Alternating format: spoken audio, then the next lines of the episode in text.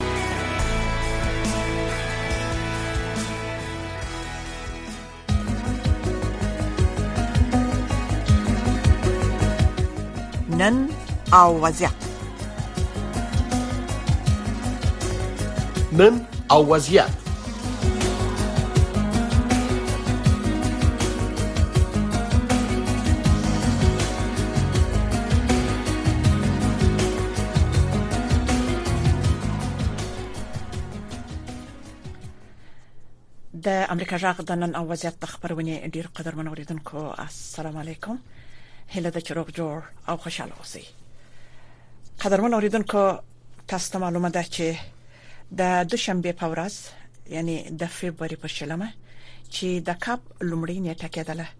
په ترکیه او سوریه کې یو بل زلزلہ وسوه او د دې هیواد سرحدي سیمې ډېری ولرزولې دا چې تاسو ته معلومه ده په دې زلزلې کې چې ډېری سیمې خراب کړلې مالی او ځاني تلفات واوښتله خو څو ورځې مخکې په ترکیه کې د ریختر په اندازه 9.8 درجه زلزلہ شوې و چې ډیره سخته زلزلہ و او په دې کې هم د ترکیه او سوریه څخه څه باندې یعنی 330 زره کسانو په دې کې مړ شول او شاوخوا ډیر کورونه ونړیدل چې په دې باره کې به هم زموږ د خبرونې محترم ملما وحید امینی صاحب چې په ترکیه کې اوسېږي معلومات راکړي نو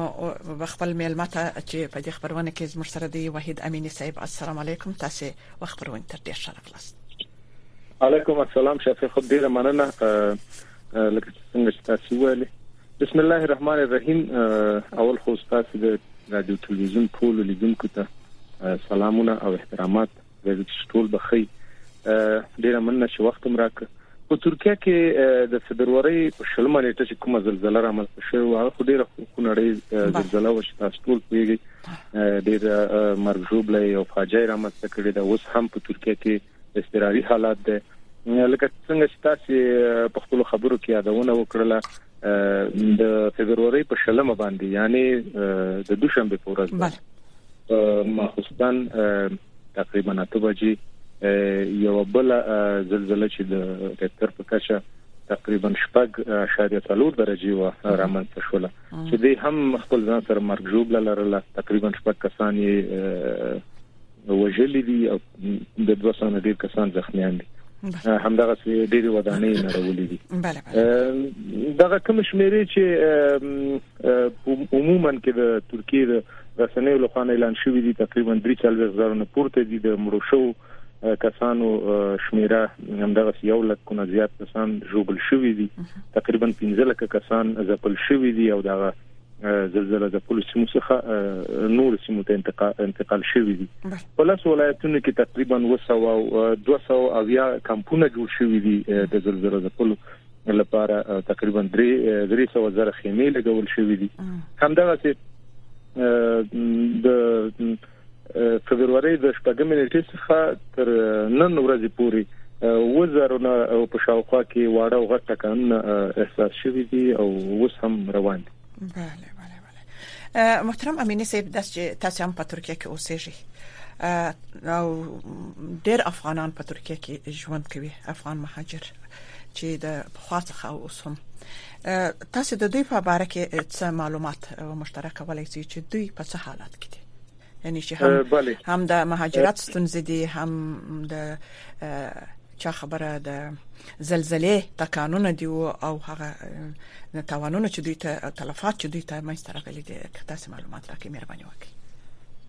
ډیره مننه هغه کسان چې په هغه افغانان خصوصا هغه مهاجر چې په دغه ولایتونو کې مشته او ژوند کوي هغه د سازمان ملل هغه کوم د پنا هندګي د غلاندې دي یعنی د تکاټونه توزیع شوی دي کوم لیکونه ورته توزیع شوی دي زیاترو ته نو هغه د ته د ترکیه دولت او سازمان ملل هغه کم اسانتیاوي او هغه کم کومکونه مرستې شي دي هغه ورته برابر کړی دي مثلا نور ولایتونو ته د لیک دغه پروسه هغه کم پروسیجر چې دا غوړ ته اسانه کړی دی بل کومکونه لکه مثلا اولیه کومکونه شو د شفاخانو ته د اسانتیا همدغه خوراکي توکي همدغه نور ترانسپورتي اسانتیاوې ورته برابر شوې دي خو کره شمیره نه د معلومه ځکه دلته قونسلي خدمات هغه هغه نه پیاوړي نه دي چې د دې کره شمیره معلومه کی خو بیا هم اسانتیاوې ورته برابر دي ان شاء الله چې دومره مشکل بنئ یعنی تاسو چې په هغه ځای کې اوسېږئ الله تام د زلزلې تکانونه تاسو احساس کړی دی او الله تلفات او یا مشکلات او یا نور ستونزې رامنځته شوې دي څنګه الله افغانان په څه حال کې دي مخصوصا که د افغان افغانان افغان مهاجرو په اړه باندې پښتنو کې عموما نو هغه خو به بل مسله دا غي ته به راګرځم او صرف دومره ویل شم چې په کوم ولایت کې چې زه ژوند کوم دا ولایت کې دومره شدید ټکانونه نه دي هیڅ شوی مګم زلزلہ شوې ده خو دلته یوازینی پروګرامونه هغه کوم د افت اداره چې د دې د د ترکیې د دولت هغه په لاس په کار ده او ټول عام خلک عام مثلا عسكر دا ټول په وظیفه باندې دي او د آماده باش په حالت کې دي او عام خلک هم کومکونه او مرستې هغه کوم ټاکلي ځینې تر رسول کیږي د ویني بانکونه ځای پر ځای شوي دي عملته وینه ورکوي خلک یعنی هغه دغه روان دی هغه مرسته روان دی مرسته روان دی دا د مرستې عمومي روان دي یعنی دا څه نه دي چې یوازې د ترکیه خلکو ته دی په البته خو نو ټول د ترکیه کې خو مهاجر د مختلفو سیمو څخه دي بخښنه دي محترم وحید امینی صاحب چې راسو ودې ته د ترکیه کې د افغانانو په عمومي ستونزو باندې خبرې وکړو چې افغانان ډېر ستونزې لري نو د اگست 15 مې څخه چې کله چې طالبان افغانستان ته راغله د طالبانو دراتک څخه ورسته خلک په څه حالت کې دي د ستونزې تر کومه وخت تر کومه حد رسیدلې دي او بیا یو بل سوال هم دا دی چې په ترکیه کې پخوا هم افغانان اوسېدل او اوس هم ډېر افغانان مهاجر شوي دي نو تاسو کې اول د دغه په ترکیه کې څو ډول مهاجرین اوسېږي البته افغانان که په دې اړه کې تاسو معلومات راکړئ بیا به ورسره د 15 د اگست څخه چې افغانان راغلي دي او څه مشکلات لري په هغه اړه کې معلومات راکړئ مهرباني وکړئ ډیره مننه شافع خور اساسي ستونزې د مهاجرو لکه څنګه چې تاسو ویلي د طالبانو دراتک سره افغان مهاجر خصوصا ځوانان خصوصا هغه خلک چې په حکومت کې دولت کې په نظامی بخش کې وظیفه درلودله په امنیتي بخشونو کې وظیفه درلودله هغه د تعال تنه د کار زمينه مساعدېږي او نو هلته هغه ژوند کولای شي دا یو موضوع و چې زیاتره ځوانان دي تاړ شو چې راوځي راځم د افغانانو حالات د افغانانو خصوصا د ځوانانو حالات په ترکیه کې د طالبانو د راتګ څخه مخکې دلته افغانانو سیدل خو هغه مقدار نو په هغه اندازه نو لکه اوس چې څومره دي حالات مخکې خو نو اوس بیخي بتر شوی دی اوس د اندېښنې وړ دی او دا راځي کیږي زمونږ سیاسي وضعیت پورې زمونږ د هواد سیاسي تګلارې پورې زمونږ سیاسي پالیسۍ پورې چې زمونږ ځوانان یو خدای د چلته اقتصادي وضعیت ورته نه دی برابر نه دی جوړ چې هلته کار وکړي مثلا فابریکې ورته نه دي برابرې همدغسې نور ځوانان چې غواړي درس وي تعلیم وکړي همدغه ځوانان چې غواړي سپورت وکړي ورزش وکړي زمينه سازي ورته نه ده برابره نو په دې لحاظ باندې غواړي چې اروپאי هوادونو ته یا ترکیه ته یا نور هوادونو ته مهاجر شي اساسي ستونزه زمونږ په سیاست کې دا زمونږ په د سیاسي پالیسۍ کې دا چې یو قوي نظام نه لرو یو قوي بنسټ نه لرو چې زمونږ د دغه مهاجرینو چې په نورو مملکتونو کې پراته دي د هغې پښتنه وشي او د هغې د هغه کم حقوق چې ورته نړیوالو ورکړي دي د هغې پالنه وشي او د هغې معلومات وشي دا ورته ورکول کیږي کنه نو مهمه خبره پالیسی جوړول او سیاست نو زه زما په نظر باندې چې دا اوس د افغانانو کوم حالات د ترکیه کې خصوصا چې زه څنګه خبره ما دا چې دا مکار اجازه ورته ورکول کیږي همدا صحت بخش کې ورته رسیدګي نه کیږي او که شفخانه ته یا روغتون ته ورشي نو هلته نیول کیږي همدغه څه د معاش په برخه کې چې معاشات ورته یعنی دا صرف هغه افغانان دي چې دوی قانوني اسناد نه لري او که یا دا عمومي د اوسنیو افغانانو سره چې ورغلي دي د فصل اگست شافه خو زه عمومي خبره کوم عمومي خبره کوم څو چې اسناد لري خو هغه خو په ډیر کم مقدار دی هغه خو ډیر لږ دی هغه خلک دي چې اسناد ته ورکړي چې هغه د نه غواړي چې دلته پاتې شي او کارو کې هغه خو ځي نور مملکتونو ته نور مملکتونو سفارتونو سره پاړي کې هغه خلکو ته اسناد ورکړي دي زه هغه خلکو او هغه ځوانانو په اړه باندې غږیږم چې دلته راغلي دي د کار او غریبۍ په نیت باندې چې کورنۍ ته یو څه نفقه پیدا کی دا په ډیر تعداد دي نو همدغه سي ماشونه ورته نور کول کیږي د یو ولایت نه بل ولایت ته سفر اجازه ورته بيخي نشته ده ډیپورت نه ده بند شوی ډیپورت روان دي د افغانانو همدغه سي زندانونو کې به برخلیک پراته دي افغانان ځوانان پوښتنه نه کیږي چې دا ولې په صورت امینی صاحب زبر د ډیپورت خبره وکم چې تاسو وای بیرته استول کیږي شدي چې د زموږ افغانان چې حالت ژوند کوي په دې باندې پوسی چې دوی کمیستون چې هغه ورته پیښ چې ولې ډیپورت کیږي دا مهاجر د افغانان ولې خپل وطن ته استول کیږي په کوم مشکلاتو په کوم شرایطو مهرباني څو خبرې دي دلته یو خدای چې ما مخکې هم یادونه وکړه چې زمونږ پوښتنه نه کیږي اصلا کې دلته د یو قوي اداره موجوده نه ده د افغانستان د خوانه یو سفارت یو سفیر موجود نه دی چې هل تلاړ شي او د بین الملل او د سازمان ملل د مهاجرت د دفترونو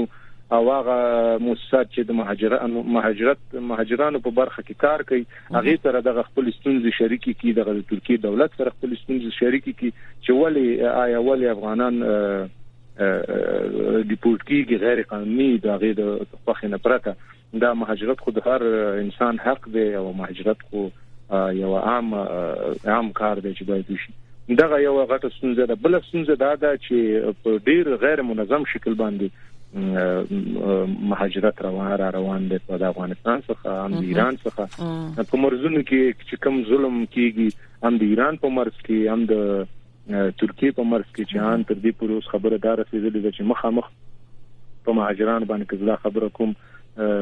دا به بدني ځکه زه پوېږم او ویل دي چې اور باندې دځي کیږي زورول کیږي هر ډول زورول کیږي همدغه سي په واورو کې لږ کیږي یعنی ډیر شکنجه کیږي او به بل اخره بیرته ډیپورت کیږي یا بیرته به ماغه مرز کې پریوستل کیږي چې هلته د غلو او د نورو مشکلات سره مخامخ کیږي خپل ژوند د لاس ورکړي هلته پراته دي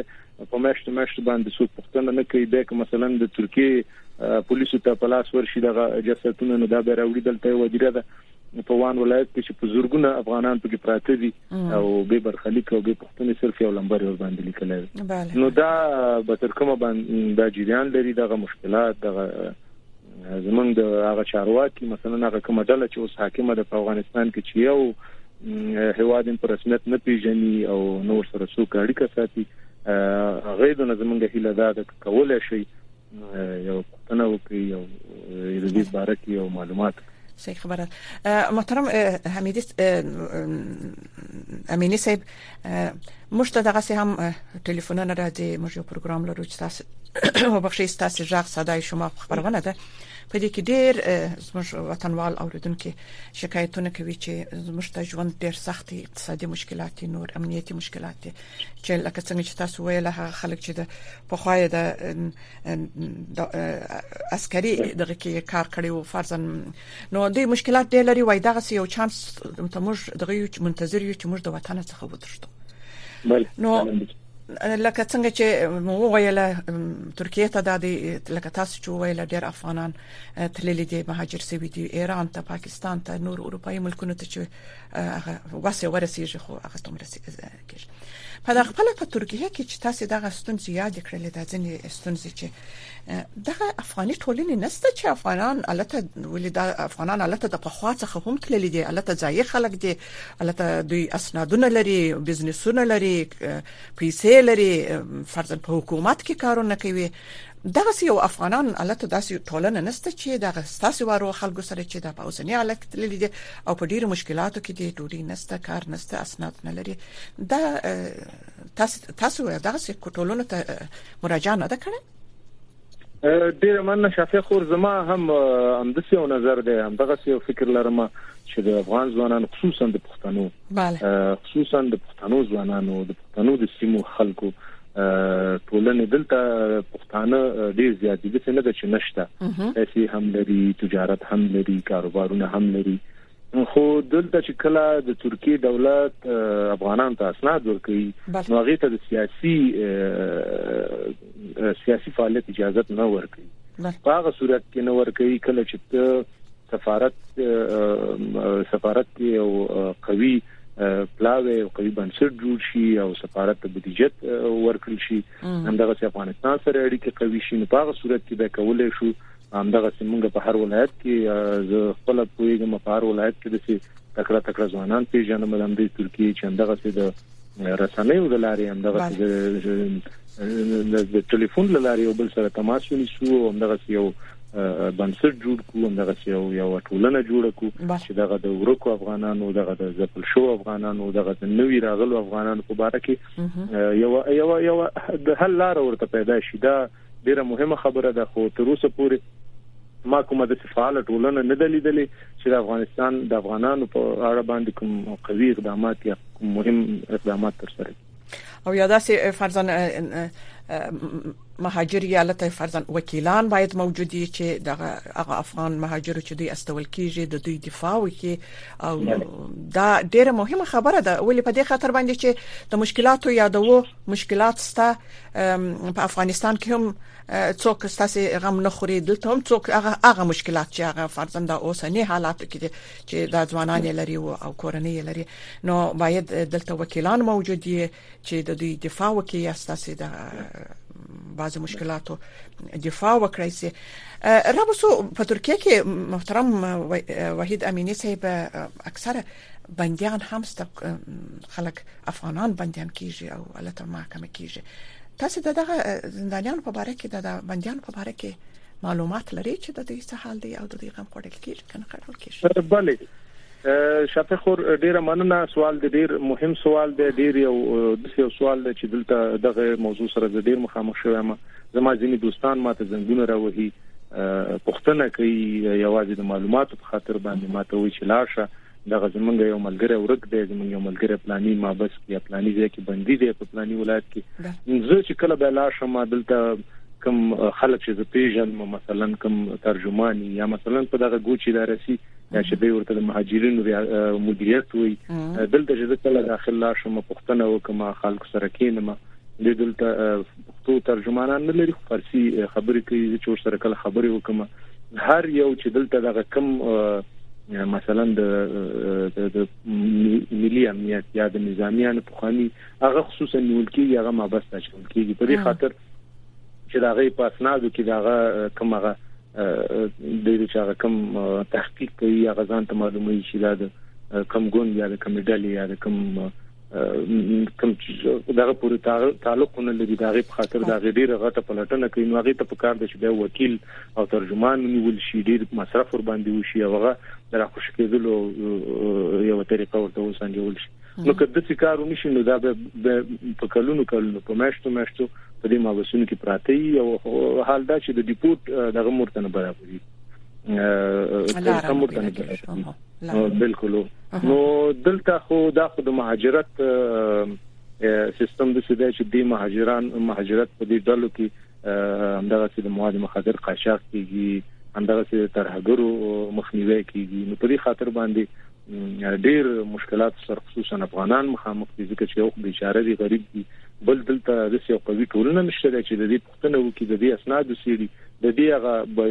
هغه کم بیک ګراوند چې په افغانستان کې دی هغه معلوم کی او د دې ته وی چې ورور دا سړی بې ګناه دی دوی چې تر هغه پورې دا د خپل امکاناتو په خپل وکیلانو دا معلومات کوي نو دا ډیر وخت نیسي او ډیر زورونکي حالات رامنځته کوي بله بله امینه صاحب راوسو بیا هم په افغانستان کې تاسو ته د حالات اوس معلوم دي چې د جنونو مکتبونه اکثره د شپږم صنف څخه بیا کنو مکتبونه باندې اکثره تعلیمي موسسې چې دي هغه هم وشوزو ته بعضي د شوزو کارونه نشته په نو شوزه ډېر په مشکلاتو خصوصا جنې په تعلیم په اساس کې ډېر مشکلات لري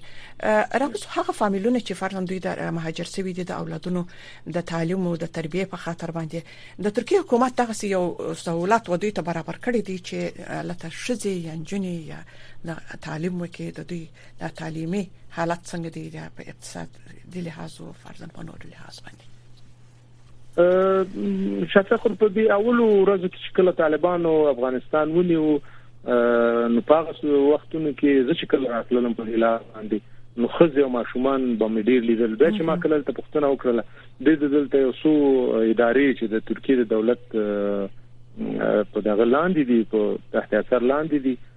خو د یونیسیار او د همدغه سید سازمان ملل فند هغه ورکي نمائندګان ورسره ناشتي هغه د دلته دغه ماجرو چې کله ورسره زنان او ماشومان یا خزي او کورنۍ خصوصا هغه د یو څه پروسیجر لري د دوی چې امکانات ته برابر کړي د زر د اسناد ورکولو او همدغه چې د دغه د پاتې کېدلو د دې د ځای هغه مشکل تقریبا حل دی خو زیاتره کورنۍ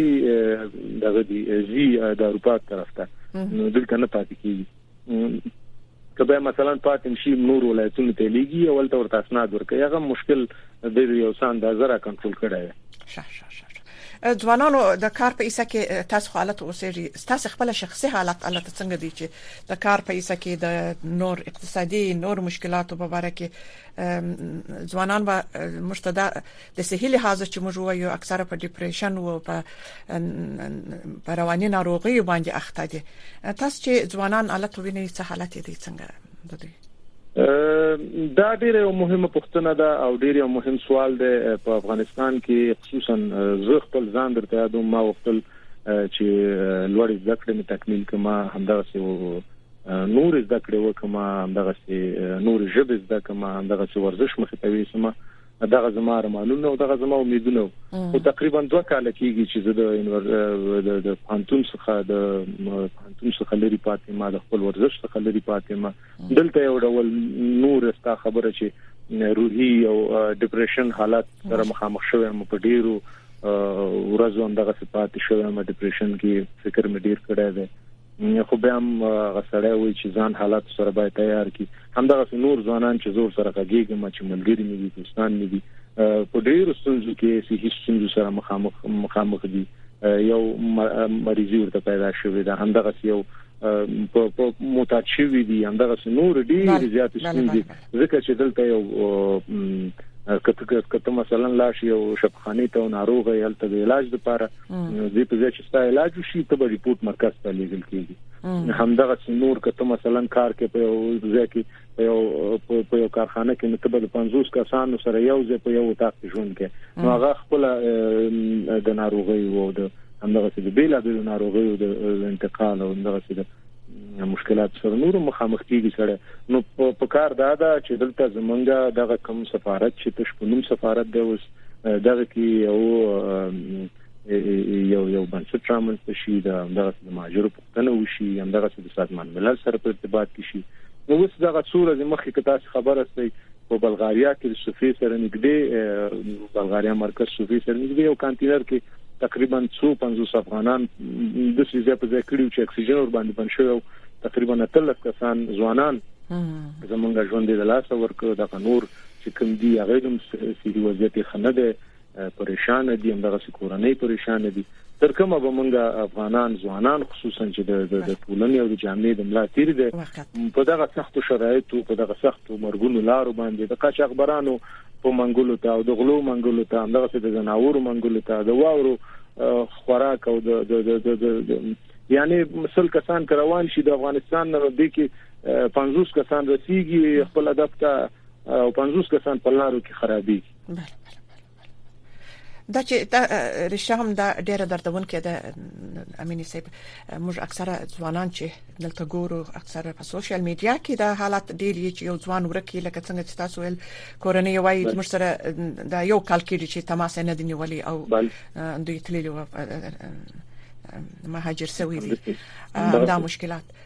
دغه معلومات تاسو په الته چې په ترکیه کې یاست څنګه د یو ځوان معلومات وکړي چې کورنۍ غواړي چې د پیدا سي او تاسو دغه وکمه بیا هم یو د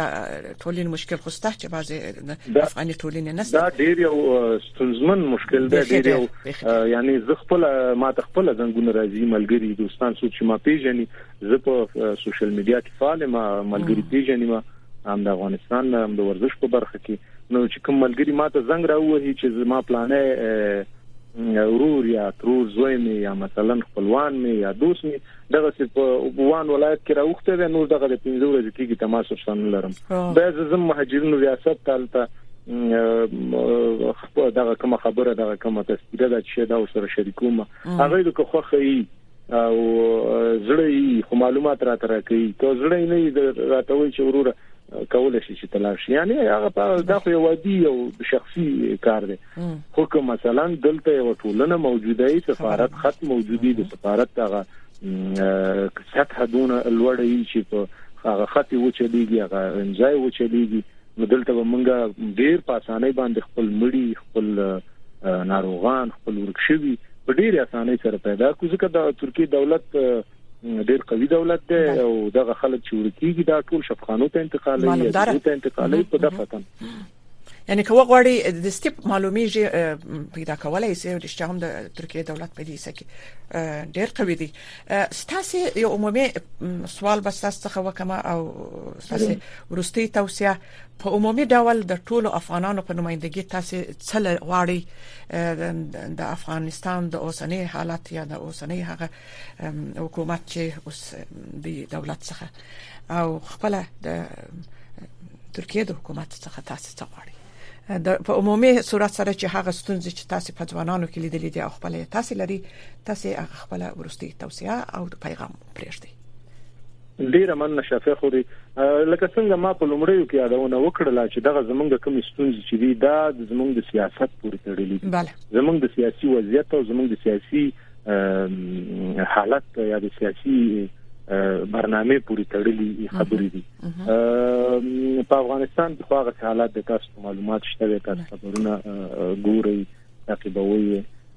افغانستان کې د ځوانانو اوسېدل د ځوانانو فعالیت د ځوانانو زده کړې د ځوانانو ورزش د ځوانانو پرمختګونه ټول په ټپه ودرېدلې دي دا بر سره منې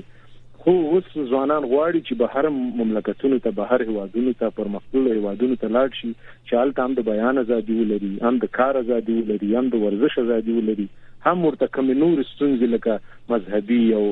اجتماعي او ټولنیز ستونزې مواجه نه ولته خپل ژوند پر مخ ويسي دلته زه د ترکیه د دولت څخه د افغانستان کې خو چې کوم خلک واکمن دي دا غیر څخه به زمونږ هیله هیڅ هم نه ځکه هغه د څه کول نه شي هغه خپل د ډیر فشارونو او ډیر سنځ سره مخامخ دي همدغه سي نور خپل سنځ ځان ته زیاتوي هغه نه زمونږ هیڅ غوښتنه نه ده زما غوښتنه د ټول افغانان نه ده چې اول خو خپل اولادونه دې له سخت لارو ته مه مجبوروي یا مې را لېږي ور باندې دا ډېر یو ریسکی کار دی ډېر یو خطرناک کار دی بل که بیا هم راځي بیا په مثلا په غنور لار باندې لکه د سکالرشپ لار شو لکه د ویزو په طریقه باندې راشي درس لپاره یا مثلا د ورزش یا د صحت یا د نورو په نورو طریقو باندې نور هیوادونو ته ځان ورسوي دا به ډیره ښه په قاچاقي لارو باندې خو اوس راتګ ډیر مشکل دی او د ترکیه دولت څخه زمونږ وختونه دا ده چې تاسو د سازمان ملل څخه د نړیوالو موسسو څخه په میلیارډونه ډالر یا په میلیارډونه فند اخلي د مهاجرونو په بخش کې نو دغه پیسې او دغه فند باید په ښه طریقه باندې استعمال شي ځکه دا د مهاجرو حق دی نو کومه حقوق چې د مهاجرو دي لکه مثلا د دې د ساتل د دې د نو وهل د دې د نم مړ کول یا د دې د نظم دانی کول دغه او نه ډیپورت کول دغه مهمه خبرې دي چې باید دې کې توجه وشي کور مودان ډیر مننه ډیر مننه محترم وحید امینی صاحب چې تاسو په ترکیه کې اوسېږئ او تاسو معلومات مشترک کړئ تاسو کور ودان خیر